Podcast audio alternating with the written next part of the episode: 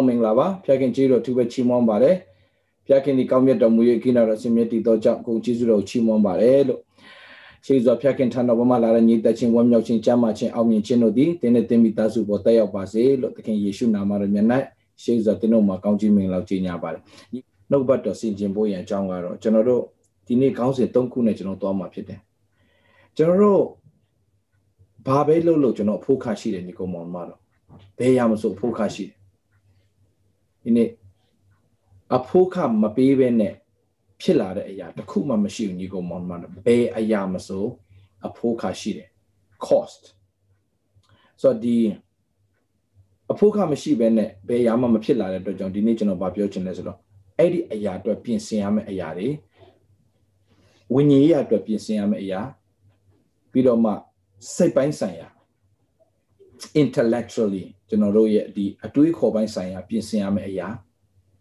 စိတ်နေစိတ်ထားပေါ့နော်ပြင်ဆင်ရမယ့်အရာခန္ဓာကိုယ်ပိုင်းဆိုင်ရာပြင်ဆင်ရမယ့်အချက်သုံးချက်ကိုကျွန်တော်တို့ဆင်ခြင်တော့မှာဖြစ်ပါတယ်လို့ဒီနေ့ဆိုတော့ဟုတ်ပြီကျွန်တော်ခဏလောက်ဆူတောင်းကြရအောင်ဖျက်ရှင်ကိုရောဒီကောင်းမြတ်တဲ့ဘုရားဖြစ်တယ်ယနေ့ကိုရောပြင်ဆင်ပေးတဲ့ချိန်တိုင်းမှာညီကိုမောင်မများနဲ့အတူပြန်လဲတွေ့ဆုံရတဲ့ခွင့်အတွက်ကျေးဇူးချီးမွမ်းပါတယ်ကိုရောဒီကောင်းမြတ်တဲ့ဘုရားသစ္စာရှိတဲ့ဘုရားကုဏနဲ့ပြည့်စုံတဲ့ဘုရားနှုတ်ကပတ်တော်အပြင်ကိုရောသားသမီးအရောက်စီတိုင်းကို ဖွင့်ပြနားလည်စကားပြောတော်မူပါအတိအသီးသောအတ္တမှာဝိညာဉ်တော်ဖျားဥဆောင်လမ်းပြပါမိကြောင်းချိန်နိုင်ကိုလက်တော်သို့အနန္တသခင်ယေရှုဖျားနာမနဲ့ဆုတောင်းဆက်ကအနန္တမှာဖာမဆောတော်ဖျားအာမင်အာမင်ညီကိုမောင်မတော်ဒီနေ့ကျွန်တော်တို့စင်ကြင်ရမယ့်အချက်အဲသုံးချက်ရှိတယ်အဲဆိုတော့ဝိညာဉ်ရေးရအတွက်အဖို့ခဆိုတာရှိတယ်เนาะပြီးတော့မှဒီကျွန်တော်တို့ရဲ့ knowledge ပိုင်းဆိုင်ရာအတွက်ကျွန်တော်တို့ရဲ့အသိဉာဏ်ပညာပိုင်းဆိုင်ရာ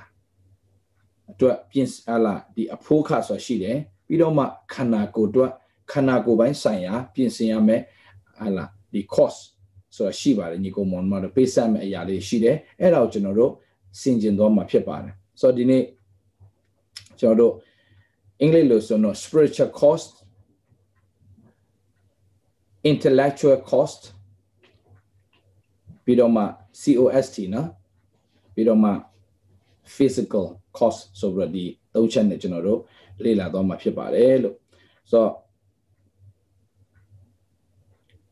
ပထမဆုံးချက်အနေနဲ့ကျွန်တော်ပြောပြချင်တာကတော့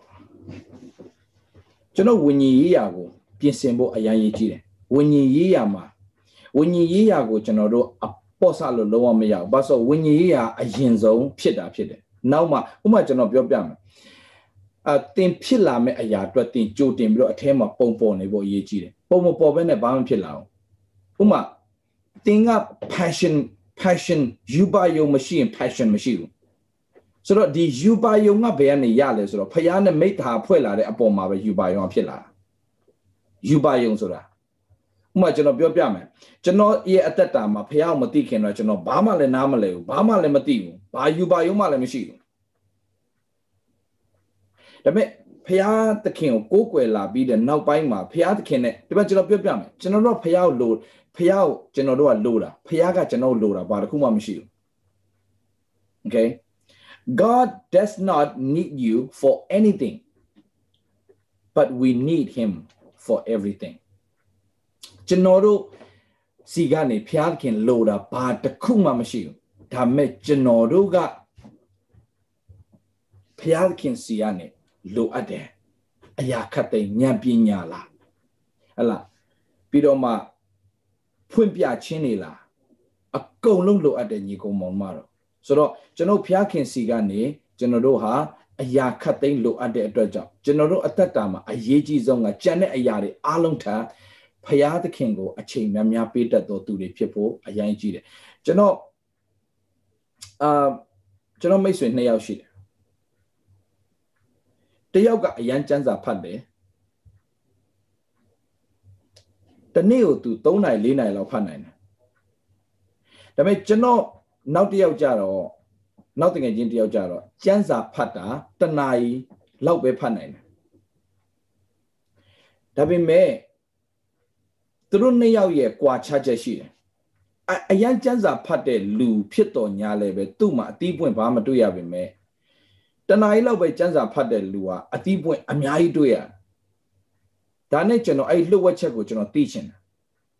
သိချင်တော့ကျွန်တော်အာဖျားကိုမေးတယ်တင်းရဲ့တက်တာမှာတခုခုသိချင်ဖျားကိုမေးတတ်တဲ့တက်တာဖြစ်ပါစေဘုရားသခင်သိအောင်ချက်ချင်းတော့မသိဘူးဒါပေမဲ့မေးပြီးသွားရင်မျှော်လင့်ပါအဖြေရှာပါစောင့်ပါဆိုတော့ကျွန်တော်ဆူတောင်းတယ်ဘုရားသခင်ကျွန်တော်ဖော်ပြလာတာအဲ့ဒါတော့ဘာလဲဆိုတော့ ကျွန်တော်တို့နဲ့အချိန်ယူတဲ့အချိန်မှာကျွန်တော်ဘာသိလာလဲဆိုတော့အရန်ကျန်းစာဖတ်တဲ့လူကကျန်းစာဖတ်တယ်မှတ်တယ်ကျန်းစာဖတ်တယ်မှတ်တယ်ကျန်းစာဖတ်တယ်မှတ်တယ်ကျန်းစာဖတ်တယ်မှတ်တယ်အရန်လုပ်တယ်ကျန်းစာဖတ်တယ်မှတ်တယ်မှတ်တာတော့အကြီးကျယ်သူမှတ်တယ်ဒါပေမဲ့ဟိုလူကတနားရီလောက်ပဲစံစာဖတ်တယ်ဒါပေမဲ့တစ်ချိန်လုံးသူကစင်ကျင်နေတယ်ဆိုတော့ကျွန်တော်တွေ့ရတယ်ဆိုဘာကွာသွားလဲဆိုတော့စံစာအများကြီးတော့ဖတ်တယ်ဒါပေမဲ့ဟိုလူကစံစာဖတ်တယ် ကျန်းစာထဲက तू ကြိုက်တဲ့အချက်တွေအားလုံးလိုက်မှတ်တယ်အကုန်ကျန်းစာအရန်တော်တာဒါပေမဲ့အတီးပွင့်နေတယ်ဟိုကကျန်းစာဖတ်တယ်နဲတယ်ဒါပေမဲ့ तू ကအဲ့ဒီဖတ်တဲ့ကျန်းစာကို तू အရန်ပြန်ဆင်ခြင်းတယ်ကျန်တဲ့အကြောင်းအရာ तू မစင်ခြင်းဘူးကျန်တဲ့အကြောင်းအရာအဲ့ဒီတခြားလူအကြောင်းတွေ तू စိတ်ဝင်စားဘူး तू စိတ်ဝင်စားတာကဖခင်ရဲ့နှုတ်ကပတ်တော်ပေါ် तू အချိန်မီမပေးတယ်ဆိုတော့ကျွန်တော်ဗာပြောချင်တာကျမ်းစာများများဖတ်တဲ့ तू မှန်တော်ညာလဲပဲများများစင်ကျင်နိုင်တဲ့သူကတာသွားတယ်ဆိုတာကျွန်တော်တွေ့ရတယ်ဆိုကျန်းစာဖတ်ခြင်းကကောင်းလားတိတ်ကောင်းပါတယ်ညီကောင်မောင်မတို့ကျန်းစာများများဖတ်တာကောင်းပါတယ်ဒါမှမဟုတ်ဖတ်ပြီးတော့စင်ကျင်မှုမရှိရင်နည်းနည်းဖတ်တယ်များများစင်ကျင်တယ်ဟိုကတော့များများဖတ်တယ်စင်ကျင်မှုနည်းတယ်နှစ်ယောက်ရဲ့ result ကအယံกว่าတယ် ကျန်းစာနည်းနည်းဖတ်တော်ညာလဲပဲတနာရီနှစ်နာရီလောက်ပဲ तू ဖတ်နိုင်တယ်ဒါပေမဲ့ तू ကတနေ့ကုန် तू ကနှုတ်ကပတ်တော်ဆင်ကျင်နိုင်တယ်ဖွင့်ပြခြင်းရချက်ချင်း तू ကကောက်ရေးချတာဒါပေမဲ့ဟိုကတော့ကျန်းစာဖတ်ပြီးတော့ तू ကြိုက်တဲ့အရာတွေအားလုံးရေးချတယ်ဒါပေမဲ့နှစ်ယောက်ရဲ့အောင်မြင်မှုကကွာတာဒါကြောင့်ဗာပြောလဲထရဖျားကြီးတရားတော်၌မွေ့လျော်ရေးတရားတော်ကိုနေ့ညမပြတ်စင်ကျင်အောင်မေ့တော်သူတနေ့ကုန်ကျမ်းစာမဖတ်နိုင်ဘူး ဒါပေမဲ့ဖတ်ထားပြီးသားအရာကိုစင်ကျင်အောင်းမိတော်သူရဲ့အတ္တတာတော့အယမ်းမင်္ဂလာရှိတယ်ဆိုတာနားလည်ရတယ်ဆိုတော့ဝိညာဉ်ရဲ့အတ္တတာမှာကျွန်တော်ပြောပြချင်တယ်ဖျားသခင်ကတင်းရဲ့အတ္တတာကိုဖွင့်ပြချင်တာအများကြီးပဲတင်ဖျားနဲ့များများအချိန်ယူယူတဲ့အခါမှာဘာလုပ်လဲကျွန်တော်ပြောပြမယ်ဖျားစကားနံပါတ်1ဖြစ်ရမယ်ကျွန်တော်ဘဝအတွက်အရာခတ်သိမ်းမှာဖះစကားဒါတော့ကျွန်တော်ညီကောင်မောင်မတွေအားလုံးကျွန်တော်နေ့တိုင်းကျွန်တော်ဒါပဲပြောတဲ့ခါမှာတင်းတို့နာညီကောင်နာညီလိမ့်မယ်ဒါပေမဲ့ကျွန်တော်ပြောပြမယ်ဖះစကားကနံပါတ်1ဖြစ်တယ်ကျွန်တော်ဘဝအတွက် ကျွန်တော်အရေးမကြီးကျွန်တော်ကိုကျွန်တော်ဆိုအများနဲ့ကျွန်တော် train ထားတယ်ဘာ train လဲဖះစကားကကျွန်တော်အတွက်အရေးကြီးဆုံးဖြစ်တယ်ဆိုတော့ဖះစကားကိုတခြားဟာထက်ဖះစကားကိုပဲကျွန်တော်ဆွဲလန်းမယ်ဖះစကားကိုပဲကျွန်တော်ယုံမယ်ဖះစကားတာရင်ကျွန်တော်ဘဝရဲ့အရာခတ်သိမ်းလို့ကျွန်တော်ခံယူထားတယ်ကြံတဲ့အရာတွေအားလုံးထက်ဖះစကားကိုကျွန်တော်တာ၍ဆွဲလန်းအောင်တာ၍ယုံကြည်အောင်တာ၍စိတ်ချအောင်ကျွန်တော်အဲ့ဒါပဲတိဆောက်တယ်ဆိုတော့ညီကိုမောင်မတော်နံပါတ်1အနေနဲ့ကျွန်တော်ပြောပြချင်တယ်ဝิญဉ်ရေးရအတွက်ဘယ်လိုအဖို့ခပေးရမလဲ အဖို့ခပေးဖို့ဝင်မလေးပါနဲ့ဘာကိုဘာကိုဆိုလို့လာလဲဥပမာကျွန်တော်ပြောပြမယ်ဝิญဉ်ရေးရာအတွက်ကျွန်တော်တို့အဖို့ခပေးခဲ့ခြင်းရဲ့မင်္ဂလာကအချိန်တန်တဲ့အခါမှာအတိပွင့်နေအများကြီးတိပွင့်ဘာဖြစ်လဲကျွန်တော်ပြောပြမယ်ဝิญဉ်ရေးရာအတွက်အရေးကြီးဆုံးကဖရာစကားဝิญဉ်ရေးရာအတွက်အရေးကြီးဆုံးကဖရာစကားကျွန်တော်တို့ထမင်းစားတဲ့ခန္ဓာကိုယ်အတွက်အားဖြည့်ဖို့ ဝิญဉ်အတ္တတာအားပြည့်ဖို့ရင်အတွက်ကတော့ဖရာရဲ့စကားကိုများများကျွန်တော်တို့စားတတ်ဖို့အရေးကြီးတယ်ဖျားစကားကိုများများကျွန်တော်တို့အချိန်ပေးတတ်ဖို့အရန်ရေးကြီးတယ်ဆိုတော့ဝိညာဉ်ကိုအားဖြည့်၍နာမတော်အဖို့လုံငါတရားလမ်းတော်ထဲမှာတွေးဆောင်ပါဆိုတာက တင်ဟာလမ်းမချော့သွားစေဖို့ရင်အတွက်နှုတ်ကပတ်တော်ကိုတင်နေ့တိုင်းစားနေဖို့အင်မတန်အရေးကြီးတယ်နှုတ်ကပတ်တော်ကိုစင်ကျင်နေဖို့အရေးကြီးဘလောက်စားစားအစာမကြည့်ရင်တင်ခန္ဓာကိုယ်အတွက်ဥပဖြစ်စေတယ်ဆိုတော့နှုတ်ကပတ်တော်ကိုစားပြီးသွားရင်နှုတ်ကပတ်တော်ကြားပြီးသွားရင်အဲ့ဒီအရာကိုဖတ်ပြီးသွားရင်ကြားပြီးသွားရင် များများပြန်ဆင်ခြင်တဲ့အတ္တတာဖြစ်ပါစေပြီးတော့မှနှုတ်ကပတ်တော်နဲ့ပတ်သက်လာရင်အဲ့ဒီအတွက်တင်ဘလို့အဖို့ခပေးရမလဲ ပေးဖို့လုံးဝဝင်မလေးပါနဲ့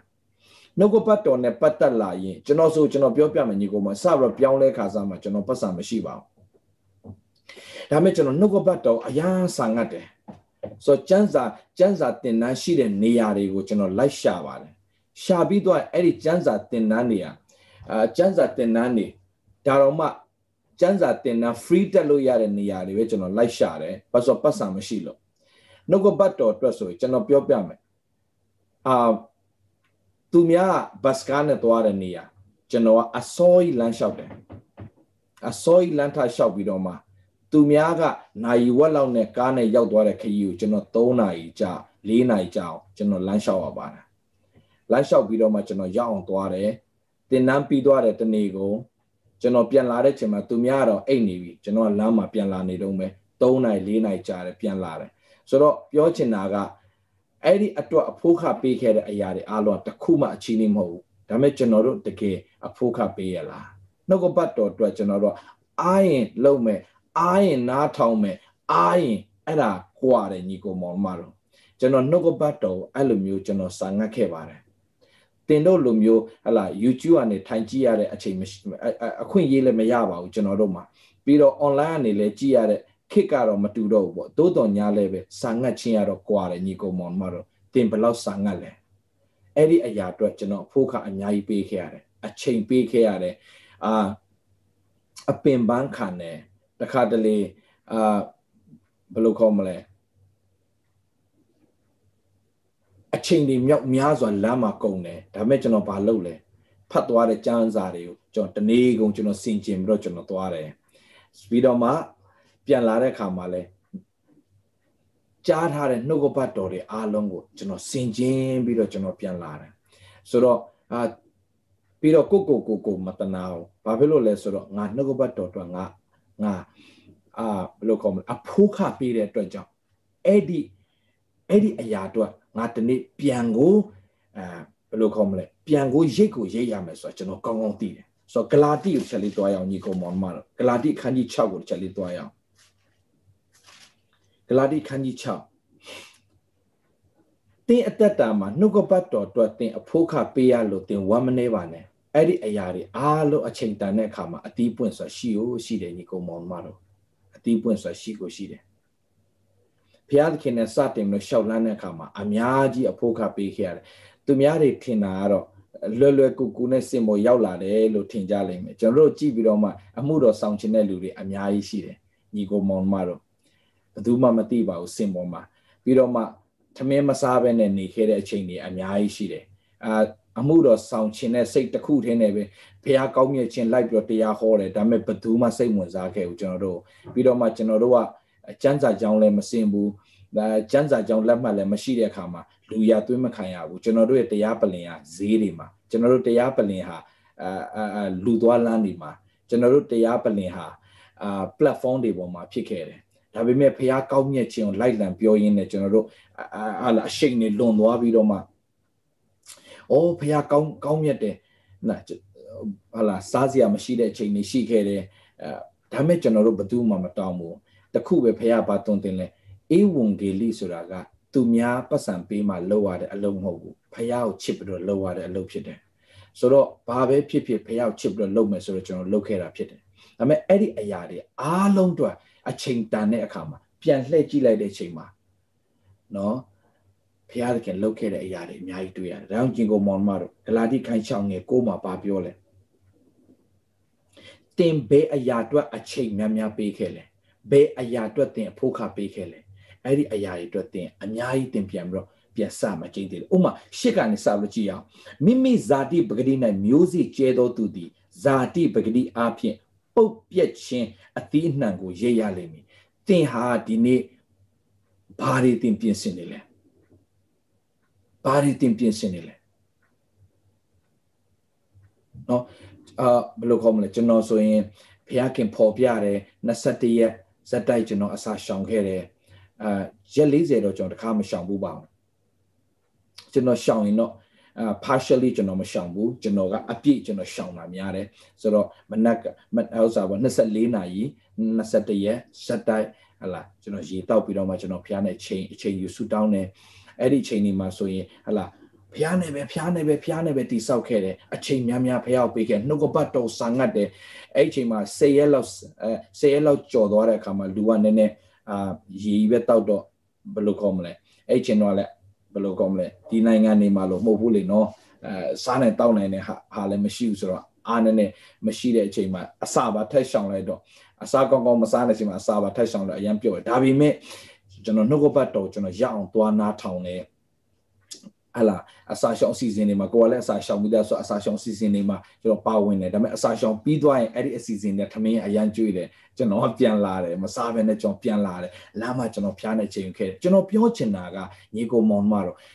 ဖះနဲ့တွာလာတဲ့ချိန်မှာတော့အဲ့လောက်ကြီးမလို့ပါဘူးကွာလို့လာပြောတဲ့သူတွေအများကြီးရှိတယ်ကျွန်တော်တို့အဲ့လာကျွန်တော်အသက် session လို့မလို့ပါဘူးကွာဒါမင်းတို့ကလည်းပိုးပိုးလုံးနဲ့မင်းတို့ကြည့်ရတာစိတ်ညစ်စရာကြီးမင်းတို့ကြည့်ရဖះဖះဖះနဲ့မင်းတို့ကမင်းတို့ဒါကြီးပဲ ဒါပေမဲ့မဟုတ်ညီကောင်မောင်မတော့ဒါပေမဲ့အဲ့လူတွေပြောတဲ့သူတွေအားလုံးကတနေ့တစ်ချိန်မှာကျွန်တော်စင်အောက်မှာကျွန်တော်တရားဟောတော့လာနာထောင်တော့ခွန်အားယူရတဲ့သူတွေပြန်ဖြစ်နေတယ်ကျွန်တော်ပြန်အားကြတဲ့သူတွေပြန်ဖြစ်နေတယ်ညီကောင်မောင်မတော့ဖရာသခင်အတွက်အဖို့ခပေးခဲ့တဲ့အရာတွေအားလုံးဖရာနဲ့ပတ်သက်လို့တနည်းအားဖြင့်ဝိညာဉ်ရေးရာနဲ့ပတ်သက်လို့အဖို့ခပေးခဲ့တဲ့အရာတွေအားလုံးအတွက်သင်ဟာကောင်းဆုံးပြန်ရေးရတဲ့ခွင့်ပေးလိမ့်မယ် ဒါမဲ့အရေးကြီးတယ်မှာကြည့်မိမိဇာတိပရိနဲ့မျိုးစိကျဲသောသူသည်ဇာတိပဂတိအဖြစ်ပုတ်ပြက်ခြင်းအတိနှံကိုရေးရလိမ့်မယ်တဲ့ဝိညာဉ်ပဂတိ၌မျိုးစေ့ကျဲသောသူသည်ဝိညာဉ်ပဂတိအားဖြင့်ထာဝရအသက်ရှင်ခြင်းအတိအနှံကိုရေးရလိမ့်မယ်ဒါကြောင့်ကျွန်တော်တတ်တာမှာကျွန်တော်တို့ဖျားပေးထားတဲ့အချိန်ကိုကျွန်တော်တို့ဘယ်အရာတွေအတွက်ကျွန်တော်အချိန်ကုန်နေလဲကျွန်တော်ဝိညာဉ်ရေးရအတွက်လားကျွန်တော်ဇာတိအတွက်တွေပဲလား ကျွန်တော်လောဘဒေါသမောဟတွေနဲ့အသက်ရှင်နေလားဒီနေ့ဒီချိန်မှာသူများမတရားပြုတော်ညာလဲ ခွင့်လွတ်တီးခံခြင်းကိုသူများငပေါ်ကြီးလို့အယူကြီးလို့ပြောလိုက်မင်းမဲကောင်းကောင်းခံဟဲ့အောင်မင်းမဲနှိမ့်ချဟဲ့အောင်မင်းမဲဒီလိုလို့ဟဲ့အောင်မင်းမင်းမင်းဟဲ့အောင်လောလောကမှာမင်းနည်းနည်းပပတော့အမောက်ထောင်ပြမှာကွာမင်းငကားမသိအောင်အမောက်ထောင်ပြမှာမဟုတ်ရင်လူတွေကမင်းမင်းမင်းရဲ့ခေါင်းပေါ်မှာအိမ်နာတက်လုတ်သွားမယ်ဒါမျိုးတွေမှအဆပေါ့နော်အမျိုးစုံလာပြောတဲ့ခါမှာကိုလည်းလူငယ်ဖြစ်တော့ကြောင့်မခံကျင်စိတ်တွေဘာတွေဖြစ်ပြီးတော့မှဖြတ်ပြောချင်တဲ့အချိန်ရှိတယ်ဒါပေမဲ့နှုတ်ကပတ်တော်ကဘာပြောလဲရှင်းရှင်းလေးပဲနှုတ်ကပတ်တော်ကမျိုး ဇာတိပဂိနဲ့မျိုးစေ့ကျဲမလားမင်းမင်းရဲ့ကျွန်တော်ချင်းလေးကျွန်တော်ငယ်တော့ချင်းလေးရှိတယ်ဟဟလားအာတင်းအသက်ရွယ်နုပြိုတီကိုအဘယ်သူမှမထီမဲ့မြင်မပြုတ်စေနဲ့ဆိုတော့စကားပြောဆိုခြင်းကြင်ကြံပြုတ်မှုခြင်းသူတစ်ပါးကိုချစ်ခြင်းဝิญဉ်သဘောရှိခြင်းဟလာဒီဒီဒီຢာတွေအားလုံးကမိမိတက်တာကိုဘာလဲဝิญဉ်ရေးရမှာဝิญဉ်ရဲ့အတ္တတာကိုတိဆောက်နေတဲ့အချိန်ကာလဖြစ်တယ် ဝိညာဉ်ရေးရောက်တိဆောက်တဲ့ခါမှာသူများတွေဝေဖန်တဲ့ဒါကြီးဒီလောက်ကြီးမလို့ဘောကွာဒေးဗစ်မင်းကလေကြောင်ကြောင်လုံးနဲ့မင်းကအယောငါတို့လည်းခရိယန်ကွာယောငါတို့လည်းခရိယန်မင်းလက်ပိုက်ဆယ်တွားထိုင်စစ်ထိုင်မှာပေါ့မင်းကတခါတခါလေးပြောပြောပါမယ်ဟန်ကောက်လုံးရမှာပေါ့ကျွန်တော်ပြောတယ်မဟုတ်ဘူးမဟုတ်ဘူးငါရည်ရချက်ရှိတယ်ငါဒီတိုင်းဆက်သွားလို့မရတော့ငါမွေးစေဝဘွားနဲ့ငါ့ဆန္ဒငါအတေတက်ဖို့လုပ်ခဲ့တာ ငါဆုံးရှုံးခါနီးလေးမှာငါ့ကိုဖျားရွေးကောက်တယ်ဆိုတော့ငါ့အတွက်ကြီးမားသောအချက်ကျွန်တော်ပြောပြမယ်ညီကောင်မောင်တို့ဒီအချိန်မှမှတင်မပြင်ဆင်ရင်ဘယ်အချိန်မှသွားပြင်ဆင်မှာလဲကျွန်တော်စိုက်ခဲ့တဲ့မျိုးစေ့ဟာလွန်ခဲ့တဲ့အနှစ်20လုံးကစိုက်ခဲ့တဲ့မျိုးစေ့ဟာအခုကျွန်တော်စားနေရတယ်โอเคအခုကျွန်တော်စားနေရကျွန်တော်မထင်မှတ်ပဲလုပ်ခဲ့တဲ့အရာတွေအားလုံးကဒီနေ့ဒီချိန်မှာမင်္ဂလာတွေကပြန်လိုက်လာတာ အဲ့ဒီအချိန်မှာကျွန်တော်ဒါဇာတိမျိုးစေ့ကိုကျွန်တော်စိုက်ခဲ့ရင်ဒီနေ့ကျွန်တော်ကဝမ်းနေခြင်းတိမှန်နေကျွန်တော်ရိတ်နေရမှာဆိုညီကိုမောင်မတို့ဒီအခုမှကျွန်တော်မပြင်ဆင်ဘယ်ချိန်ပြင်ဆင်ပါလဲဆိုတော့ဝิญဉ်ရေးရအတွက်ပြင်ဆင်ပါနံပါတ်1ခေါင်းစဉ်ကဝิญဉ်ရေးရအတွက်တင်ပြင်ဆင်ပါနှိမ့်ချပါတီးခံပါခွင့်လွတ်ပါဟာ ကျွန်တော်ပြောပြမယ်ခရိယန်ဆိုတာရှင်းရှင်းပြောရင်တော့ခရစ်တော်နည်းတူသက်ရှင်ခြင်းဗျာခရိယန်ဖြစ်ဖို့လွယ်တယ်ခရိယန်တက်တာတက်ရှင်ဖို့မလွယ်ဘူးဒါကြောင့်တက်ရှင်သောဝိညာဉ်တော်ဘုရားသခင်ကကျွန်တော်တို့ပေးထားတာရောတက်ရှင်သောဝိညာဉ်တော်မပါဘဲနဲ့ခရိယန်တက်တာဘလို့မှတက်ရှင်လို့မရအတွက်ကြောင့်နေ့တိုင်းတက်ရှင်သောဝိညာဉ်တော်ကိုကျွန်တော်တို့နေရာပေးပါညီကောင်မောင်မ တင်တီးခတ်နိုင်မယ်ထင်လို့လားဝိညာဉ်တော်မပါပဲနဲ့ဟာမရဘူးညီကောင်မောင်မအခုနာပဲ hallelujah praise the lord လို့တော့ဝိညာဉ်တော်အာမကိုနောက်ခဏနေဘလူးရုပ်ပေါက်သွားတဲ့အဖွဲ့တွေအများကြီးပဲအဖွဲ့တွေအများကြီးဒေါသတွေထွက်လာတော့စထထအော်ငါအခုမှဖျားကြောင်ပြန်လာလို့မို့နေတိတ်သွားတာကြားပြီဟာချက်ချင်းပဲရုပ်ကပြောင်းသွားတဲ့ဖွဲ့တွေအများကြီးရှိတယ်ညီကောင်မောဒါကြောင့်ဒါကြောင့်ဝိတန်ရှင်တော်ဝိညာဉ်တော်မပါဘဲနဲ့ခရိယန်တက်တာပြည်ပြင်းစွာဘလို့မှတတ်မရှင်နိုင်အော ။ရောက်တရှင်သောဝိညာဉ်တော်များများအားကိုးကြပါ။ဟန်ဆောင်ခြင်းနဲ့ကင်းတဲ့အတ္တတာဖြစ်ခြင်း။ဒီမှာတစ်မျိုးနောက်တနေရာကျတော့တစ်မျိုးလောကထဲဝင်သွားလူကပုံစံတစ်မျိုးဖျားเจ้าရောက်သွားကောင်းငင်တမန်ရုပ်လောကပြေရောက်သွားဘလူးရုပ်ပေါက်နေအဖွဲ့တွေအများကြီးရှိတယ်အဲ့ဒါဟန်ဆောင်နေတာအဲ့လူရဲ့အတ္တတာကမှတ်ထားပူလဲမပူအေးလဲမအေးဘူးနှွေးတွေးတွေးရှိတဲ့အတွက်ကြောင့်ဘယ်ခရီးမှမရောက်ဘူးအဲ့လူတွေအားလုံးကလူတွေရှေ့မှာတော့ပုံစံကြတဲ့ခရိယန် ဒါမဲ့ဘာအသီးပွင့်ဘာအကောင့်ထဲမှမပေါ်လာပဲနဲ့သူ့ရဲ့အသက်တာအပြင်ဘာမှမဖြစ်လာဘူးဆိုတာတွေ့ရတယ်ညီကောင်မောင်မတို့တော့တင်းရဲ့အသက်တာအဖြစ်အကောင့်ထဲပေါ်ခြင်းနဲ့တင်းရဲ့အသက်တာအဖြစ်အသီးပွင့်နေမြင်တွေ့ခြင်းနဲ့တင်းရဲ့အသက်တာအဖြစ်ဖျားသခင်ရဲ့လက်တော်ကိုမြင်တင်းကိုယ်တိုင်လည်းမြင်တွေ့တာမကောက်သူများပါမြင်တွေ့ခြင်းညီကောင်မောင်တို့တင်းရဲ့အသက်တာမှာအမြဲတမ်းပြင်ဆင်ထားပါ ငါဒီစကားပြောလိုက်တနေ့ငေါ့ဖျားသုံးလာတဲ့အချိန်မှာသူများပြန်ထောက်ဆရာဖြစ်လိမ့်မယ်ဒါကြောင့်ငါမပြောဘူးငါဒီလိုအသက်ရှင်လိုက်လို့ရတယ်တနေ့ဖျားခင်ငေါ့ချီးမြှောက်လာတဲ့အချိန်မှာသူများပြန်ထောက်ဆရာဖြစ်လာမှာဖြစ်တဲ့အတွက်ကြောင့်ငါဒီအသက်တောင်ငါမဖြစ်အောင်ငါရဲ့အသက်တောင်ငါနှိမ့်ချခြင်းနဲ့ငါသွားမယ်ငါမပြောတဲ့စကားကိုငါမပြောတော့ဘူးငါပြန်ပြောပြခြင်းနဲ့ငါပြန်ပြောလို့ရတယ်ဒါမှငါမပြောဘူးဒါပေမဲ့တနေ့မှာငါ့ဖျားခင်ချီးမြှောက်မယ့်အရာရှိတယ်ဆိုတော့ငါသိတယ်ဝိညာဉ်ရေးရအတွက်ပြင်ဆင်ပါ နံပါတ်1ဝိညာဉ်ရေးရအတွက်ပြင်ဆင်ပါနံပါတ်2လိလာစီပူခြင်းမှာအဓိက intellectually ဝိညာဉ်ရေးရမှာပြင်ဆင်တယ်လို့အတွေးခေါ်ပိုင်းဆိုင်ရာတိုးတက်ဖို့လည်းပြင်ဆင်ပါဟေရှာယငါအငယ်3 ပြင်ဆင်ခြင်းမရှိရင်ဘယ်တော့မှတင်ပန်းနိုင်မရောက်ဘူးဘယ်တော့မှလည်းတင်တင်အကောင့်ထဲဘာမှပေါ်လာမှာမဟုတ်တင်ရတတ်တာအဖြစ်ဟေရှာယငါအငယ်73ထို့ကြောင့်ငါဤလူတို့သည်ပညာမရှိဖန်စီသိမ်းသွားခြင်းကိုခံရကြ၏ငါအဲငါ73ရဲ့ ကကြီးပိုင်းပဲယူမယ်ထို့ကြောင့်ငါဤလူတို့သည်ပညာမရှိဖန်စီသိမ်းသွားခြင်းကိုခံရကြ၏တဲ့ဆိုတော့မှတ်ထားပါညီကောင်မောင်မတို့ပညာလောကပညာထက်ဖရားရဲ့ပညာရဖို့ရန်အတွက်အရေးကြီးတယ်ဒါပေမဲ့တစ်ချိန်တည်းမှာပဲကျွန်တော်တို့လေ့လာသင့်တဲ့အရာကို အကုန်လေ့လာဖို့အရင်ရေးကြည့်ဥမာကျွန်တော်ပြောပြမယ် ကျွန်တော်ကဖះအမှုတော်ဆောင်တယောက်ဖြစ်ပေမဲ့စီးပွားရေးသမားတယောက်ကကျွန်တော်ကိုစကားလာပြောတဲ့အခါမှာ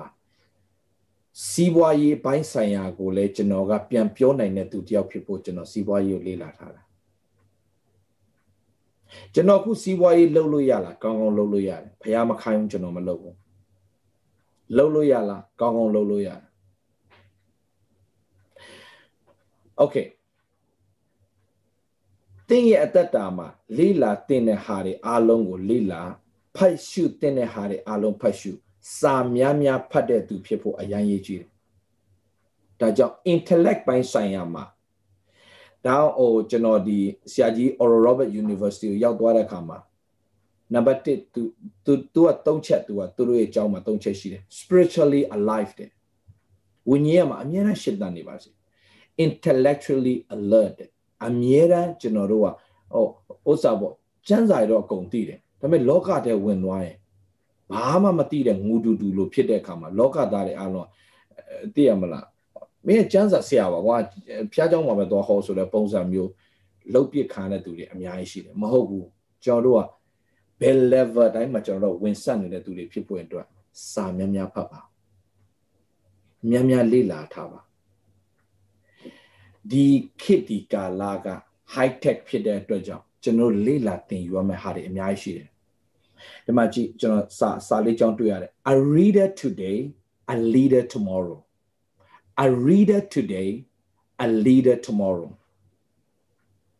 ဒါကြောင့်စာဖတ်မပြင်းကြပါနဲ့ညီကိုမောင်မတို့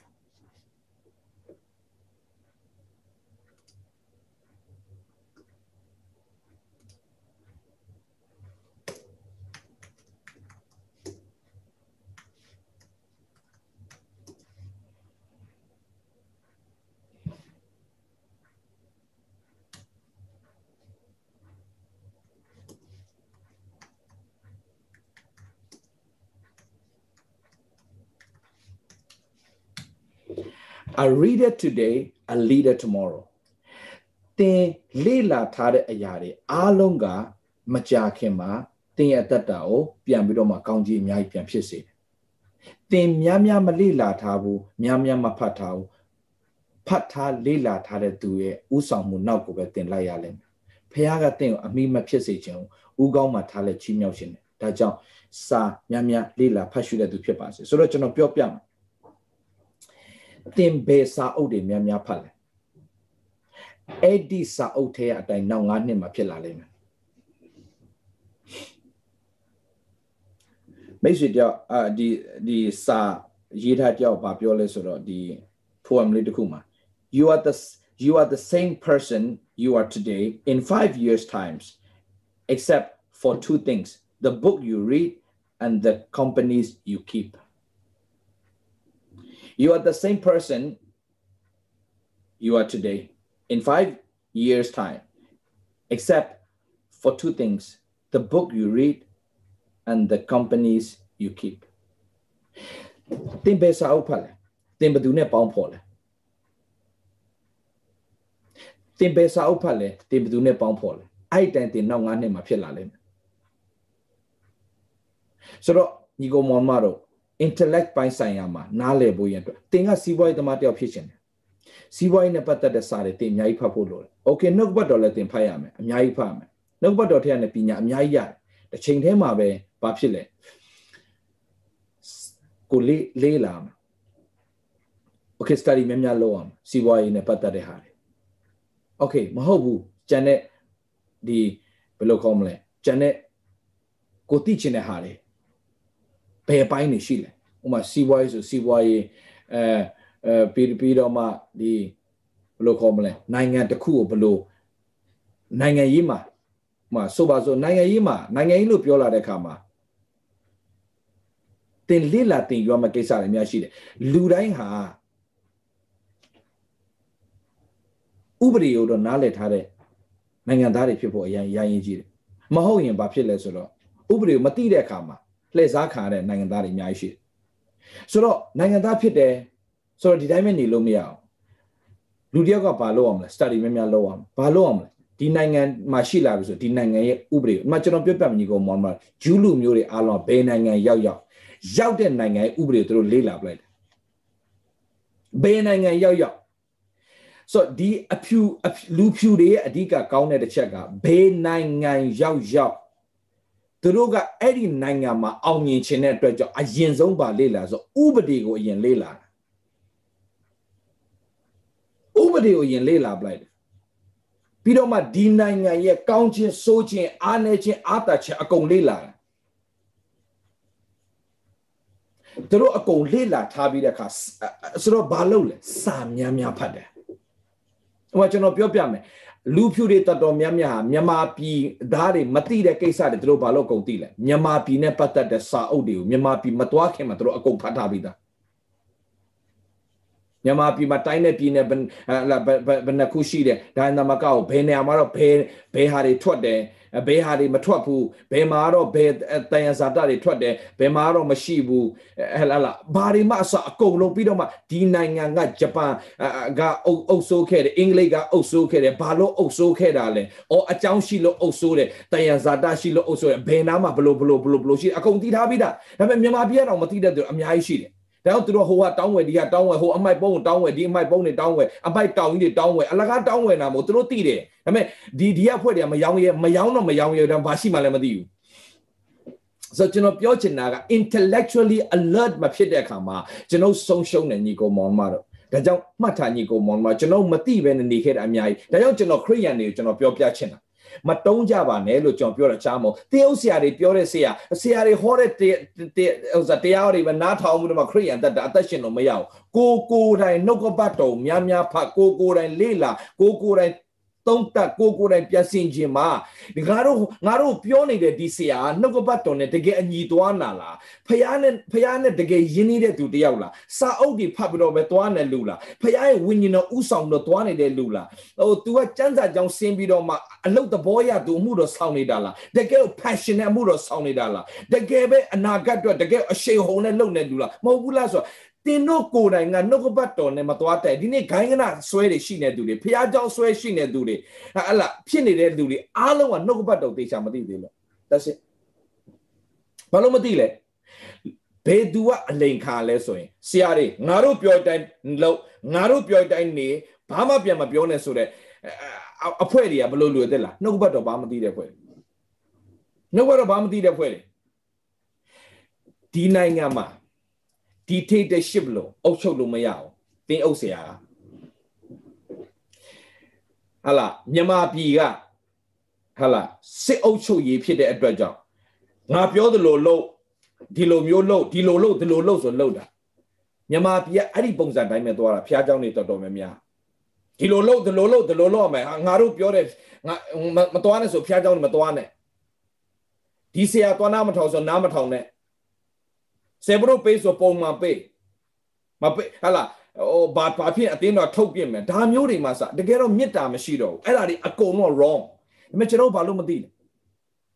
တခုပြောရနဲ့ဆရာနင်တို့အဲ့လိုလုံးအမင်္ဂလာဖြစ်ကုန်မယ်လို့ဆိုကြောက်လန့်ပြီးတော့မှဘာဖြစ်လဲဘာမှမပြောရဲဘာမှလုပ်ရဲတရုတ်ဆရာဆိုဘာမှပြောရအောင်သူသူသူမဟုတ်ဘူးညီကောင်မောင်မတော့မပြောတာမဟုတ်ဘူးကျွန်တော်တမာတယောက်ကောင်းကောင်းမသိရင်ကျွန်တော်လိန်ခံထိနေတာ လိန်ခံထိနေတာဆိုတော့ကျွန်တော်ပြောပြမယ်တမာတယောက်ပိုင်းခြားသိဖို့ရန်အတွက်ပညာကိုပညာအတွက်ပြင်ဆင်ပါဝိညာဉ်ရေးအတွက်ပြင်ဆင်ရမယ်လေ့လာစီးပူးတင်တဲ့ဟာတွေအားလုံးလေ့လာပါ a reader today a leader tomorrow မှတ်ထားပေးပါ a reader today a leader tomorrow သင်ယူပါနောက်ဆုံးတစ်ချက် physical cost ဟလာဘာအတွက်ကျွန်တော်ပြင်ဆင်ရမှာလဲဖျားသခင်ကဒီခန္ဓာကိုယ်ကကျွန်တော်တို့ရဲ့ဘဝခီကိုဥဆောင်သွားတဲ့ကားတစ်စီးလိုပဲလမ်းမှာဟလာဥတည်နေတဲ့လမ်းမှာကားပြတ်သွားလို့မရဘူးဗျ။ကြောင့်ဒီခန္ဓာကိုယ်အတွက်လည်းကျွန်တော်ဒီခန္ဓာကိုယ်ကကျွန်တော်ဘဝခီကိုနှိမ့်နေတဲ့ကားကြီးအဲ့ဒီကားအတွက်အများနဲ့ check လုပ်နေရတယ် ဟဲ့လားစီရေလေးဝိုင်လာပါလေအဲရှိရမလားဗမာပြည်မှာဆိုရေးတာရှိတယ်အဲအမြဲတမ်းကျွန်တော်တို့ခန္ဓာကိုယ်မှာလည်းပဲဘာလို့လဲဆိုတော့ကျွန်တော်မှလည်းလိုအပ်တယ်ဆိုတော့စားတာတောက်တာနေတာထိုင်တာဆိုအကုန်လုံး smart ဖြစ်ဖို့အရင်ရေးကြည့်တယ်ညီကောင်မောင်မတော့ဆိုတော့ဟဲ့လားဟိုခန္ဓာကိုယ်ကြားကြားမှာယူယူဆိုင်မဲ့ကိစ္စတွေရှိတယ်ဆိုတော့အာဝင်းကြီးဝင်းဝင်းဝင်းကြီးအရေးကြီးလားအရေးကြီးတယ် ကျွန်တော် knowledge ပိုင်းဆိုင်ရာအရေးကြီးလားအရေးကြီးတယ်ခရိယန်တွေတုံးနေလို့လုံးဝမရဘူးညီကောင်မောင်မတို့ယုံကြည်သူတွေဖျားသားသမီးတွေဆိုတာအမြဲတမ်း smart ဖြစ်နေရမယ်အမြဲတမ်းဟလာနေထိုင်သွားလာပုံအစဖြစ်နေရမယ်ဆိုတော့အဲ့ဒီတော့နံပါတ်1ဝိညာဉ်ရတတ်တာမှာပြင်ဆင်ပါဝိညာဉ်ရအတွက်ပြင်ဆင်ပါနံပါတ်2 knowledge ပိုင်းဆိုင်ရာပြင်ဆင်ပါဟာဝိညာဉ်ပဲဝိညာဉ်ရ okay ဝိညာဉ်တော့ဟလာဝိညာဉ်ဝိညာဉ်ဒါမဲ့ဘာမသိပဲ အလိန်ခါတာလည်းမဖြစ်စေနဲ့ဒါကြောင့် study များများလုပ်ပါများများလုပ်ပါဝิญဉ်ရမှာဒါကြောင့်ကျွန်တော်တင်းတော့အများအားပြောတာအလားဝิญဉ်ရကိုတိုးတက်စေမဲ့ဟာတွေများများနားထောင်စားအလကားမဟုတ်နားထောင်ပြီးတော့စာများများပြန်ဖတ် a reader today a leader tomorrow တင်ဘာဖတ်နေလဲအဲ့စာအုပ်ဖတ်တဲ့အတိုင်းတင်ဘသူနဲ့ပေါင်းနေလဲအဲ့တိုင်းနောက်9နှစ်မှာတင်အဲ့တိုင်းဖြစ်ကိုဖြစ်လာလိမ့်မယ် ဒါကြောင့်တင်ဖတ်တာတတိထားတင်ပေါင်းတဲ့လူတတိထားတင်အတွက်တိုးတက်စေမယ့်စာအုပ်တွေများများဖတ်တင့်အတွက်အောင်မြင်စေမယ့်စာအုပ်တွေများများဖတ်တင့်အမြင်ကျစေမယ့်စာအုပ်တွေများများဖတ်သူများပြောတာလောက်နေပဲနားထောင်ပြီးတော့မနေနဲ့ကျွန်တော်ဟောတဲ့ဟာတွေလည်းပဲအဲ့တိုင်းပဲထိုင်မနေနဲ့ no ကျွန်တော်ဟိုနေ့ကပြောပြီးသွားပြီနားထောင်ပြီးဆိုတာနဲ့စာဖတ်တော့နားထောင်ပြီးဆိုတာနဲ့စာဖတ်တော့ဘေဒီမျိုးသားတွေထူးမြတ်ခြင်းအဲ့ဒါပဲ သူတို့နားထောင်ပြီးသွားရင်သူတို့ဘာလုပ်လဲအလွန်ကြည်ညိုသောစေနာစိတ်နဲ့နားထောင်တယ်ပြီးတဲ့အခါမှာဘာလုပ်လဲမှန်သည်မမှန်သည်ကိုသိခြင်းကစစ်စစ်ပြန်ဖတ်ကြတယ် a reader today a leader tomorrow ဒါကြောင့်ဒီလူတွေက leader တွေဖြစ်လာတယ်အောင်မြင်တဲ့သူတွေဖြစ်လာတယ်เนาะ okay ဒါပဲမဟုတ်ဘူးကျွန်တော်တို့ကထိတ်ဆုံးမရောက်ခင်မှာထိတ်ဆုံးမရောက်ခင်မှာကျွန်တော်တို့ကဟိုဖျားခင်ပြင်ဆင်ထားတဲ့ပန်းတိုင်မရောက်ခင်မှာကျမ်းမာကြီးချို့တယ်လို့ ဟလာဘဝကိနှင်းနဲ့ကာယတဖို့ဖို့တချွတ်ချွတ်နဲ့ဖြစ်နေလို့မရဘူးဒီကောင်မောင်မတော့အဲ့ပန်းနိုင်မရောက်ခင်ဒီကျွန်တော်အရှင်ဟုန်နဲ့သွားနိုင်ဖို့အဲ့ဒီကားကိုဟာလာအမြဲတမ်းကောင်းနေရမယ်ဆိုကျွန်တော်ကားကိုကျွန်တော်အမြဲတမ်းကျွန်တော်တထားတာဘာဖြစ်လို့လဲလမ်းဘေးမှာရက်ထိုးထိုးရက်သွားတဲ့ကားတွေတွေ့ရင်ကျွန်တော်အရင်စိတ်ညစ်တယ်ဒီနေ့ဒီကျေးဇူးတော်ကြောင့်ကျွန်တော်က အမြဲတမ်းကျွန်တော်ကစီပုံမှန်ချိန်နေကျွန်တော်ကားအတန်တစ်ချက်ထွက်တာကျွန်တော်မကြိုက်ဘူးကျွန်တော်နင်းတဲ့ကားဟလာနင်းလိုက်တာနဲ့ liver ဖတ်ဆိုနင်းတာနဲ့ဝုန်းဆိုပြေးနေရမယ်ဆိုတော့အဲ့အတွက်ကျွန်တော်အမြဲတမ်းဘာလုပ်လဲကျွန်တော်အမြဲတမ်းပြင်ဆင်တယ်ဘာလို့ကျွန်တော်ကောက်သူများဖြတ်သွားနေကြည့်ရနေဒီကားပြောင်းလက်နာပဲဆိုတာကျွန်တော်ဖြစ်စေချင်တယ်ဒါကြောင့်ကျွန်တော်အမြဲတမ်းဘာလုပ်လဲကားကိုပုံမှန်ရေးစေးတယ်အပြင်ကတော့ရေးစေးတယ်အတွင်းမှာလည်းဆုပ်ပြတ်တတ်တာဖြစ်လို့မရအောင်အတွင်းလည်းကျွန်တော်တေချာရှိုင်းတယ်ဆိုတော့ဒီတိုင်းပဲအဲ့လားဘာပြောချင်တာလဲ ဘဝခီးနှင်နေတဲ့ကားကိုစီးတဲ့ကားတက်ဖို့ရေးကြည့်တယ်ဒါကြီးကကားကြီးဆိုတော့ဟလာဟိုမနတ်ထနဲ့ဟိုဘယ်လိုဘယ်လိုခေါ်မလဲဒီခန္ဓာကိုယ်အတွက်ကျွန်တော်တို့မလုပ်တင်လဲခန္ဓာကိုယ်အတွက်မလုပ်တင်လဲအော်မနတ်ထနဲ့ခန္ဓာကိုယ်အတွက်အရေးကြီးဆိုတာရေမဟုတ်ဘူးလားရေတောက်အောင်မဟုတ်ဘူးလားโอเคခန္ဓာကိုယ်နဲ့ပြီးတော့မှဟိုစာတိုင်းရှောက်စာတိုင်းစားတာမဟုတ်ဘဲနဲ့ အချိန်မှစတတ်ဖို့အရေးကြီးတယ်။ Okay မနက်၈နာရီစမယ်ဆိုမနက်၈နာရီပုံမှန်စားစားစားမစားစား7နာရီစမယ်ပုံမှန်စား7နာရီစားစားမစားစားညနေ9နာရီစမယ်ပုံမှန်စားစားစားမစားစား9နာရီရောက်ပြီစတယ်မစားဘူးကွာဘာဖြစ်လို့လဲ Okay ဘာဖြစ်လို့လဲကျမကြီးတို့ကြကြဝါမဲ့သွားကအယိုးကြည့်ရှောင်ဝါတကယ်သူကျွန်တော်တို့ကိုဘုရားသခင်ကပညာဉာဏ်ပေးတယ်။ဘာလဲ အသက်ကိုညံဆောင်နေပြောသလိုပဲကျွန်တော်တို့ကတတိဝရိယနဲ့နေထိုင်တတ်ဖို့စားတာတောက်တာနေတာထိုင်တာမှအစဒီမှာဆိုရင်ကျွန်တော်စာအုပ်များများဖတ်ဘာဘာပြောလဲအော်လူတယောက်ကတဲ့အစာစားပြီဆိုရင်ねသုံးပုံမှာတစ်ပုံကအစိမ်းဖြစ်နေရမယ်တဲ့ စိမ့်နေတဲ့ဟာတွေဖြစ်ရမယ်တဲ့ဆိုအရွက်ကိုပြောတာဖြစ်တယ်။အော်သုံးပုံမှာတပုံကအရွက်ဖြစ်ရမယ်။ဆိုတာဆိုကျွန်တော်နားလည်လာခါမှာအော်ငါ take care လုပ်အောင်ဘာလို့ this is the temple of holy spirit ဒါရှင်တော်ဝိညာဉ်တော်ခြေဝတ်တဲ့ဗိမာန်တော်ဖြစ်တဲ့အတွက်ကြောင့်အရွက်ကြိုက်ကြိုက်မကြိုက်ကြိုက်ကျွန်တော်ကကျွန်တော်ရဲ့သမင်းစားဝိုင်းမှာအရွက်ဆိုရင်ကျွန်တော်ဆေးလို့စားတဲ့လူတယောက်ဖြစ်ပေမဲ့ကျွန်တော်အရွက်ကိုအခုအယံစားတယ်ခင်ဗျ။ဘာဖြစ်လို့လဲအရွက်က အသားနဲ့ balance ဖြစ်ဖို့အရေးကြီးတယ်ဆိုတော့အသားလည်းစားတယ်အရွက်လည်းစားတယ် balance ဖြစ်ရမယ်ရေများများတောက်ရမယ်သူ့အချိန်နဲ့သူစားတတ်မယ်အဲ့ဒါဆိုရင်ဘာဖြစ်လဲခန္ဓာကိုယ်ကဝသွားခြင်းမရှိဘူးပိန်သွားခြင်းမရှိဘူးသူ့အချိန်နဲ့သူပုံမှန်စားရင်ခန္ဓာကိုယ်ကပုံမှန်ဖြစ်နေအခုကစားခြင်းအရင်စားတယ်မစားခြင်းလုံးဝမစားတော့ဘူးအဲ့ဒါတွေအားလုံးကျွန်တော်တတ်တာကိုအများကြီးကြာရှင်းစေတယ်ကျမ်းမာရေးအဲမကောင်းအောင်ဖြစ်စေတယ်ဆိုတော့ဒါကြောင့်ကျွန်တော်တို့အမြဲတမ်း ခန္ဓာကိုယ်ပိုင်းဆိုင်ရာကျမ်းစာလေးတစ်ပိုက်လောက်ကျွန်တော်ဖတ်ရအောင်အာတုတ်တန်အခန်းကြီး24ကိုချက်လေးကြည့်အောင်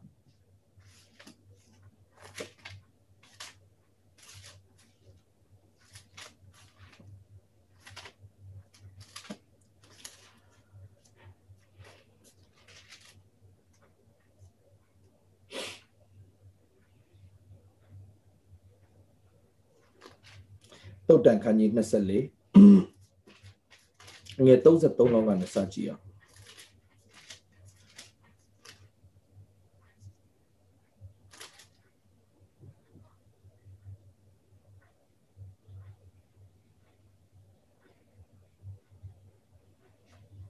ဆိုတော့ဘာအဓိကပြောတာဆိုတဲ့အခါမှာကျွန်တော်ဒီမှာအာ33 34ကိုကျွန်တော်ချက်လေးကြည့်မယ်နော် ခဏအိတ်လျက်ခဏပျော်လဲအိတ်ပျော်ခြင်းကခဏလက်ချင်းပိုက်လဲနေစဉ်ဆင်းရဲခြင်းသည်ခီးသွားသောသူကဲ့သို့၎င်းဥစ္စာပြုံးတိခြင်းသည်သူရဲကဲ့သို့၎င်းရောက်လာလိမ့်မယ်တဲ့ဒါဘာပြောတာလဲမင်းဆင်းရဲခြင်းတက်တာရောက်ရောက်ဖြစ်တဲ့အတွက်ကြောင့်ကျွန်တော်တို့ကအိတ်ချိန်ရှိတယ်စားချိန်ရှိတယ် study လုပ်တဲ့ချိန်ရှိတယ်ကျွန်တော်တို့ခန္ဓာကိုယ်နဲ့ပတ်သက်လို့ကျွန်တော်တို့အဲ့ဒါကို take care လုပ်တတ်ဖို့အရင်ကြီးတယ်အဲ့ချိန်မှာအိပ်ပါစားချိန်မှာစားပါကျွန်တော်တို့ study လုပ်ဆရာရှိတဲ့ချိန်မှာ study လုပ်ပါ ကျွန်တော်တို့ကဟာလာဆိုပါဆိုအချိန်ရှိသေးတာပဲနောက်မှလုပ်မယ်ဒီမှာကျွန်တော်ပြောပြမယ်အချိန်နည်းနည်းလေးနောက်ကျတာ ਨੇ ကျွန်တော်ဆိုရင်အာနာတတ်တော့ကျွန်တော်က counseling လုပ်ရင်တကယ်တော့ counseling ကမိနစ်20ပဲကျွန်တော်ပေးတာဒါပေမဲ့ကျွန်တော်နဲ့လည်းတွေ့ချင်တဲ့သူတွေကလည်းနှစ်နဲ့ချီစောင့်ရတဲ့သူလည်းရှိတော့နိုင်20လည်းမပြီးနိုင်ဘူးပေါ့နော်သူတို့ကဆရာခဏလေးဆရာတခွန်းဆရာခဏလေးဆရာတခွန်းဒါပေမဲ့အဲ့လိုခဏလေးခဏလေးက 3ယောက်4ယောက်ပေါင်းလိုက်ရင်အနည်းဆုံးသူတို့က45မိနစ်ယူတော့တယောက်ယူသွားတော့ကျွန်တော်အပြစ်ပြောတာမဟုတ်အားလုံးလည်းကျွန်တော်ချစ်တယ်အချိန်နဲ့အရန်ပေးခြင်းဒါပေမဲ့ဘာဖြစ်လဲဆိုကျွန်တော်အနောက်မှာကျွန်တော် schedule တွေအများကြီးဆွဲထားတာဆိုတော့တယောက်ကိုအနည်းဆုံး7မိနစ်ပဲကျွန်တော်အချိန်ယူသွား9ယောက်ဆိုရင်ဘယ်လောက်ဖြစ်သွားပြီလဲဆိုတော့မိနစ်90ဖြစ်သွားပြီတနာရီနီးပါးကျွန်တော်ကုန်သွားတယ်အဲ့တနာရီနီးပါးအတွက်ဘာဖြစ်လဲဆိုတော့ကျွန်တော် schedule ကနောက်ကျသွားတာနောက်ကျသွားဆိုတော့ အများကြီးပြန်ပြီးတော့လိုက်ရတာပေါ့နော်ပြန်လိုက်ရတာရှိတယ်ပြီးတော့ schedule နောက်ကျသွားတဲ့အခါပြီးတော့ကျွန်တော်ကကျွန်တော်ကိုကျွန်တော်ပြန် demand ပြန်လုပ်ထားတယ်ငါကတာဝန်မရှိရင်ငါကအချိန်ဖြုံးမယ်ဒါကြောင့်ငါကိုငါတာဝန်ပြန်ပေးထားမယ်ဆိုတော့ကျွန်တော်တာဝန်ပြန်ပေးတယ်အသက်တာမှာအောင်မြင်ခြင်းရင်ညီကိုမောင်မအားလုံးကျွန်တော်ပြောပြမယ်အောင်မြင်ခြင်းရင်သူများကိုမဥဆောင်ခင်တင့်ကိုတင်အရင်ဥဆောင်ပါမနက်9နာရီထမယ်လို့တင်ပြောရင်အဲ့ဒီ တင်ချမှတ်ထားတဲ့ဥပဒေကိုတင်ပြန်လိုက်နာတတ်တော်သူဖြစ်ရင်တင်စကားကိုသူများနားထောင်လာလိမ့်မယ်တရက်တင်လှုပ်တဲ့အရာသူများလေးစားလာလိမ့်မယ်တင်နောက်ကိုသူများကလိုက်လာလိမ့်မယ်ဒါကြောင့်ညီကိုမောင်မတို့မှတ်ထားပေးပါကိုဥဆောင်ခြင်းနဲ့ဆိုရင်ကိုကအောင်မြင်ခြင်းနဲ့ဆိုရင်ကိုအရင်ဆုံးကိုကိုကိုဥဆောင်နိုင်တဲ့အတ္တဖြစ်ပါစေမနက်9နိုင်ငါထမယ်လို့ပြောရင်မနက်9နိုင်တကယ်ထနိုင်တဲ့သူဖြစ်လား ငါကတော့တနေ့ကိုဘယ်နှစ်နာရီအလုပ်လုပ်မယ်လို့ပြောရင်အဲ့ဒီနာရီတိုင်းတကယ်တင်အလုပ်လုပ်တော့သူဖြစ်ရလားပြီးတော့မှငါကတော့ဟလာဒီဒီဒီဒီအဟာတွေကိုငါရအောင်လုပ်ဥမာကျွန်တော်ပြောပြမယ်ဒီလိုနေ့တွေကကျွန်တော်တို့အင်မတအလုပ်များတဲ့နေ့ညီကိုမောင်မတော့ကျွန်တော်တစ်ချက်မှကျွန်တော်မနာသေးဘူးကျွန်တော်တနာရီခဏနားတယ်ကျွန်တော်ဒီကိုခဏဝင်လာတာကျွန်တော်တညလုံးကျွန်တော်သွားမယ်နော်ခဏကျွန်တော်ပြန်နားမယ်ကျွန်တော်ရဲ့ appointment တွေကျွန်တော်ပြန်သွားမယ် ချိန်တိုင်း appointment appointment နေဒါပေမဲ့ကျွန်တော်ပြောပြချင်တာညီကိုမောင်မတော့ဘာဖြစ်လဲကျွန်တော်ညီကိုမောင်မတွေကအရာအတူတူကဆူတောင်းချင်တယ်ဆိုတော့ကျွန်တော်ဆူတောင်းအချိန်ကိုကျွန်တော် squeeze လုပ်လိုက်တဲ့အချိန်မှာဒီတညပဲကျွန်တော်အားတယ်ဆိုတော့ဒီတညကိုကျွန်တော်ညီကိုမောင်မကျွန်တော်ပေးမှဖြစ်တယ်ဆိုတော့ဘာအတွက်လဲမြန်မာပြည်အတွက်အတူတူကကျွန်တော်ဆူတောင်းဖို့ဖြစ်တယ်โอเคဆိုတော့ကျွန်တော်ပြောချင်တာအမြဲတမ်းကိုကိုကိုကိုရဲ့ချမှတ်ထားတဲ့စီကံကိုကိုလိုက်နိုင်တဲ့တတ်တာဖြစ်ပါစေအဲ့တန်တင်သွား အချိန်တန်တင်ဘုရားအိုးဝယ်သူများနဲ့မတီးအောင်မတူအောင်ချီးမြှောက်လိုက်တင်ရွေထားတဲ့ပန်းနိုင်ရောက်ကိုရောက်တယ်စီကမရှိလို့တော့မရဘူးအောင်မြင်ခြင်းတဲ့သူတယောက်မီလီယံနာဖြစ်ခြင်းတဲ့လူတယောက်ဘီလီယံနာဖြစ်ခြင်းတဲ့လူတယောက်ထိုင်អော်လို့မရဘူးစီကံရှိရတယ်စီကံရှိရတယ်နေထိုင်သွားလာပုံအားလုံးကစီကံရှိရတယ်ဒီကောင်မောင်မှာဒါကြောင့်မှတ်ထားဝိညာဉ်ရဲ့အတ္တမှာပြင်ဆင်ပါ မဟုတ်ရင်ဘာဖြစ်လဲအခုနကျွန်တော်ပြောခဏအိတ်လေခဏအိတ်ခဏပျော်လေအိတ်ပျော်ခြင်းငါခဏလက်ချင်းပိုက်လေနေစဉ်တွင်ဆင်းရဲခြင်းသည်ခီးသွားသောသူကဲ့သို့ဥစ္စာပြုံးတိခြင်းသူရဲကဲ့သို့ရောက်လာလိမ့်မယ်။ဘာပြောချင်တာလဲ။ထိုင်မှန်းတော့စဉ်းစားတော့လှုပ်တင်တော့မလှုပ်ပဲနဲ့ဟလာဟိုဟိုစဉ်းစားဒီစဉ်းစားဟိုဟာကြည့်ဒီဟာလိုက်ကြည့်ဟိုကြောင်တွေးဒီကြောင်တွေးနဲ့မကြခင်မှာဆင်းရဲခြင်းအသင့်စီကိုဧည့်သည်လို့ရောက်လာလိမ့်မယ်။ တောင်းတေးတေးတေးချာချာပြင်ဆင်ထားတေးချာပြင်ဆင်ထားဆိုတော့ဝိညာဉ်ကတတပြင်ဆင် knowledge ပိုင်းဆိုင်ရာပြင်ဆင်ခန္ဓာကိုယ်ပိုင်းဆိုင်ရာသင်ပြင်ဆင်တာငါဒီချိန်မှာငါအစာစားမယ်ဒီချိန်မှာငါအလုပ်လုပ်မယ်ငါဒီချိန်မှာငါစာဖတ်မယ်ဒီချိန်မှာငါဆုတောင်းမယ်ဒီချိန်မှာငါအလာလာဟိုနှုတ်ကပတ်တော်ငါနားထောင်မယ်ဒီချိန်မှာတော့ငါဖျားသခင်နဲ့ယူပါရုံယူမယ်ဆိုတော့မကြည့်အိုက်စတိုင်းကတနေ့ကိုနှစ်နာရီသူ့မထိုင်ချင်းထိုင်ချင်း သူထိုင်တဲ့ထိုင်ကုန်တစ်ခုရှိတယ်အဲ့ဒီထိုင်ကုန်က thinking chair လို့ခေါ်တယ် thinking chair မှာသူကနှစ်နာရီနေတန်းသွားထိုင်အဲအဲအဲ့ခုံရဲ့နာမည်သူပေးထား thinking chair တဲ့တနေ့ကိုငါဒီထိုင်ကုန်ပေါ်မှာနှစ်နာရီထိုင်မယ်ဆိုနှစ်နာရီထိုင်ထိုင်ဖို့သူလုံးဝဆုံးဖြတ်တကယ်တော့ကြာလာတော့သူမထိုင်ချင်ဘူးသူဒါပေမဲ့သူနှစ်နာရီထိုင်ပြီးတော့အဲ့နှစ်နာရီမှာသူသူက think think လုပ်တယ်များများထိုင်ပြီးတော့စဉ်းစားတယ်ဘာလုပ်ရမလဲညီကိုမောင်မတော့ ဘာလုပ်ရမှမသိရင်တင်ဘာမလုပ်နဲ့အရင်ဆုံးတင်ဘာလုပ်ရမလဲလုပ်ရမဲ့အရာကိုရှင်းလင်းစွာသိဖို့ရန်အတွက်တင်ပါလောက်ရမယ်ဆိုတော့ဘာမှလို့ဆိုရင်တော့တရားထိုင်တာပေါ့တကယ်တော့ကျွန်တော်တို့ကပါလဲစင်ကျင်အောင်မေးတာဘာလို့တာလဲနှုတ်ကပတ်တော်ကိုစင်ကျင်အောင်မေးပြီးတော့မှနှုတ်ကပတ်တော်တိုင်းသွားလိုက်အဲ့ဒါကို Einstein က တစ်နေ့ကို2နာရီ study ဒီတိုင်းထိုင်ပြီးမှ thinking လုပ်တယ်ဘာလုပ်တာလဲ तू ဖတ်ထားတဲ့ဟာတွေ तू လေ့လာထားတဲ့ဟာတွေအားလုံးကိုအဲ့အချိန်မှာပြန်အစီအစဉ်တကြပြန်ဖြစ်အောင်2နာရီ तू ပြန်ပြီးတော့ဆွဲချတာဒါကြောင့်သူ့ထက်နေပါတယ်ထွက်လာတယ် air con တွေထွက်လာတယ်သူ့ထက်နေပါတယ်ထွက်လာတယ်ရေခဲတစ်တာတွေထွက်လာတယ်ဆိုတော့ eyesight တည်တွင်ခဲ့တာနည်းနည်းနော်မဟုတ်အများကြီးပဲတနေ့ကို2နာရီ तू ထိုင်ခဲ့တဲ့အရာက များများစင်ကျင်များများစင်ကျင်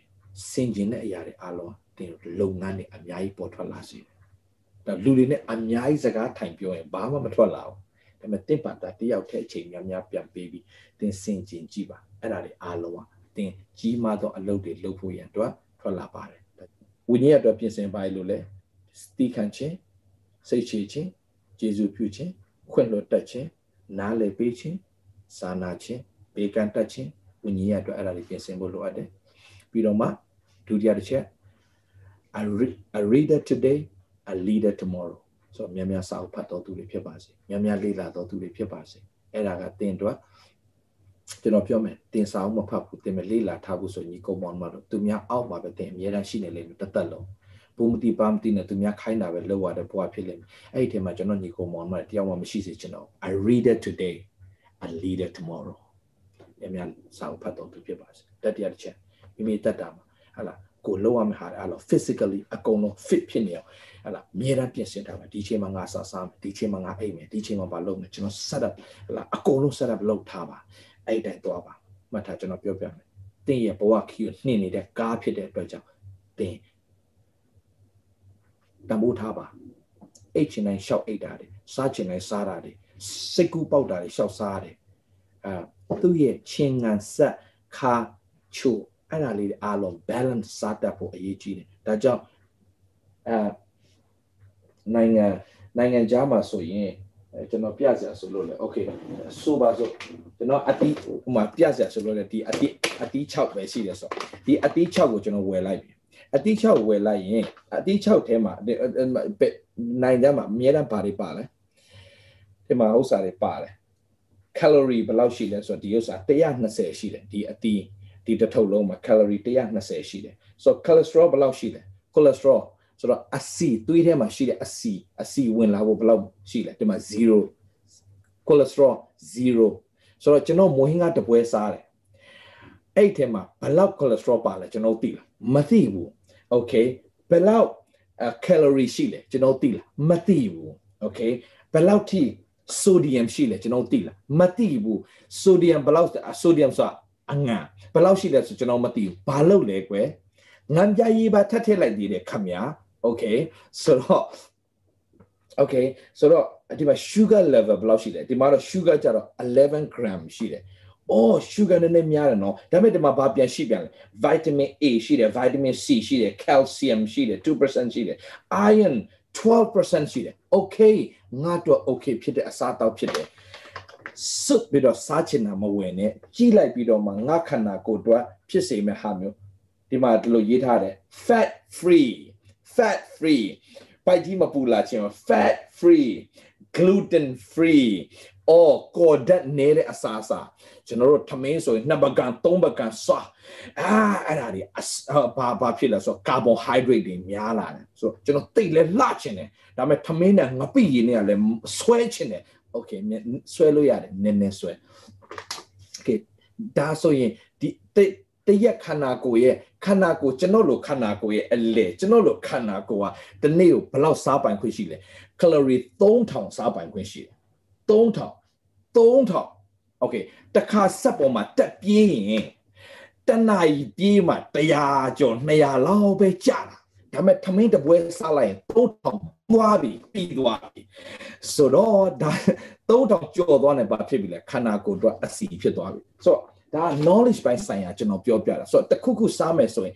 အဲ့ဒါဒီနိုင်ငံကရှိတဲ့သူတွေအဲ့တော့ဘာလို့ဒီနိုင်ငံသားတွေတိုးတက်တာလဲဘာဖြစ်လို့ဒီလူတွေကျမ်းမာပြီးတော့ဒီလူတွေကဘာဖြစ်လို့အသက်ရှည်တာများတာလဲဆိုရှင်းရှင်းလေးပဲညီကောင်မောင်မှာသူတို့စားတဲ့စာကိုသူတို့အမြဲတမ်းကြည့်တေးချဖတ်တယ်တေးချချကျွန်တော်ကြိုက်တာဝယ်ထည့်တာမဟုတ်ဘူးအဖိုးကြီးဖိုက်တယ်ဆိုမျက်မျက်မျက်မှောက်ကုတ်ပြီးတော့ကြည့်တာဒီမှာ cholesterol block ပါလား sodium block ပါလား carbohydrate block ပါလားအဲ့တော့ကြည့်တာကျွန်တော်ဘာမှမကြည့်တွေ့တယ်စားချင်တာအကုန်ဝယ်ထည့်အကုန်အကုန်ဝယ်ထည့်စား no no no no အဲ့လိုလုပ်လို့မရဘူးညီကောင်မောင်မှာဆိုတော့ဘာပြောချင်တာလဲကျွန်တော်ညီကောင်မောင်မှာအားလုံးဖျက်ခဲ့ကြမှာချင်းနဲ့ကျွေကျွေဝစေချင်းနဲ့အောင်မြင်စေချင်းနဲ့ဒါညီကောင်မောင်မှာတော့ physically ခန္ဓာကိုယ်ပိုင်းဆိုင်ရာမှာလဲစောင့်ရှောက်တော်သူတွေပြင်ဆင်တတ်တော်သူတွေဖြစ်ဖို့အင်မတန်အရေးကြီးတယ်လို့ဒီသုံးချက်လေးကျွန်တော်ပြောချင်ပါတယ်ဒီနေ့အပေါ်မှာဒီနေ့ပြောသွားတဲ့အပေါ်မှာအရောက်စီတိုင်းဖျက်ရှင်တာရေးကောင်းချီးပေးပါစေခဏဆုတောင်းကြရအောင်ဖျက်ရှင်ကိုရောယေရှုတင်နဲ့အသက်တာမှာကိုရောပြင်ဆင်ဖို့အရင်ရေးကြည့်ပါတယ်ဒီနေ့ ခေတ်ကာလဆိုးရွားနေတဲ့ချိန်ကာလမှာဘုရားသခင်တာမီတို့တော့အကောင်းဆုံးပြင်ဆင်ထားတယ်ဆိုတော့သိပြီးတော့မှကိုဘက်ကကိုတော်ကပြင်ဆင်ထားပြီးသားကိုဘက်ကဘာတွေပြင်ဆင်မလဲ နံပါတ်1ဝိညာဉ်ရေးအတွက်ပြင်ဆင်ခြင်းနံပါတ်2 knowledge ပိုင်းဆိုင်ရာလောကမှာသူများရဲ့အထက်မှာစိုးစားတဲ့သူတယောက်ဖြစ်ဖို့ knowledge ပိုင်းဆိုင်ရာမှာဒန်ယေလတို့ရှာဒရက်မေရှက်အဘိနေကောတို့သူတို့ဟာ knowledge ပိုင်းဆိုင်ရာအမြဲတမ်းပြင်ဆင်ထားတဲ့အတွက်ကြောင့်သူများနိုင်ငံရောက်သွားတဲ့အခါမှာပညာရှိတဲ့နေရာမှာဝင်ကြီးတဲ့နေရာမှာထားတဲ့အခွင့်ကိုရရှိပါတယ်အဲကြောင့်ကိုရရှင်ဖျားကိုရသားသမီးတွေတနေ့မှနိုင်ငံကိုပြန်အုပ်ချုပ်နိုင်တဲ့သူတွေတနေ့ပြန်ပြီးတော့မှ company တွေမှာပြန်ပြီးတော့မှအာ director တွေတကယ်ကိုဟလာ executive director တွေဖြစ်လာတိချီးမြှောက်ခံတော့သူတွေဖြစ်ဖို့အိုးဖလေးလာစီဘူးတော့သူတွေဖြစ်စေဖို့ခန္ဓာကိုယ်ပိုင်းဆိုင်ရာမှာလည်းရည်ချက်ပိုင်းမရောက်မချင်းဟိုဟလာအချိန်ကုန်ပြီးတော့မှစေယုံမှာပဲယောဂတပိမ့်ပိမ့်တလိနေရအတတ်တာမဟုတ်ပဲနဲ့ကျမ်းမာခြင်းပြေဝရနေဖို့ဖခင်ကျမ်းမာခြင်းပြင်ဆင်ထားပြီးတော့ဒါပေမဲ့ကိုယ့်ဘက်ကလည်းစားတာနေတာထိုင်တာတောက်တာဆိုအကုန်အိတ်တာဆိုပြင်ဆင်ပြီးတော့မှစနစ်တကျလှုပ်ဆောင်တတ်ခြင်းအဖြစ် ကိုတော့ဖျားထားတဲ့ရွေချက်ပန်းနိုင်ကိုအရောက်လှမ်းနိုင်သောသူတွေအတီးတီးဖြစ်စေဖို့ဒီနှုတ်ကပတ်တော်အပြင်အပြစ်တပံပြန်လဲ၍အတ္တတာများကိုသဘောပေါက်နားလည်သိရှိစေပါကြားတဲ့တိုင်လဲပြန်လဲပြင်ဆင်လှုပ်ဆောင်သောသူတွေဖြစ်ပါစေလို့ဝန်ခံလျက်သခင်ယေရှုဖျားနာမနဲ့ဆုတောင်းကောင်းကြီးပေးပါတယ်ဖာမစောတော်ဖျား